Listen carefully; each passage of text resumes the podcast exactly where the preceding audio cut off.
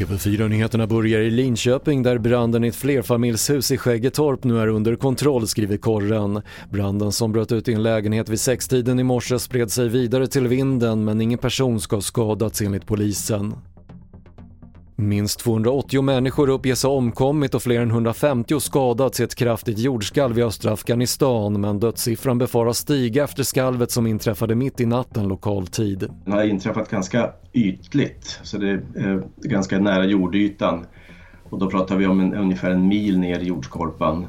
Och det betyder att skakningarna blir väldigt kraftiga i närområdet och, och eftersom eh, det här skarvet skedde ganska nära en storstad med över 90 000 invånare så det är därför som vi ser sådana skador. Det sa Björn Lund, seismolog vid Uppsala universitet.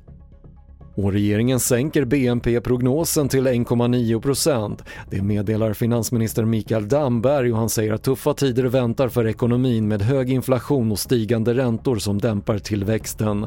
Samtidigt menar Damberg att arbetsmarknaden är stark och att arbetslösheten väntas plana ut i framtiden. Fler nyheter hittar du på TV4.se. Jag heter Patrik Lindström.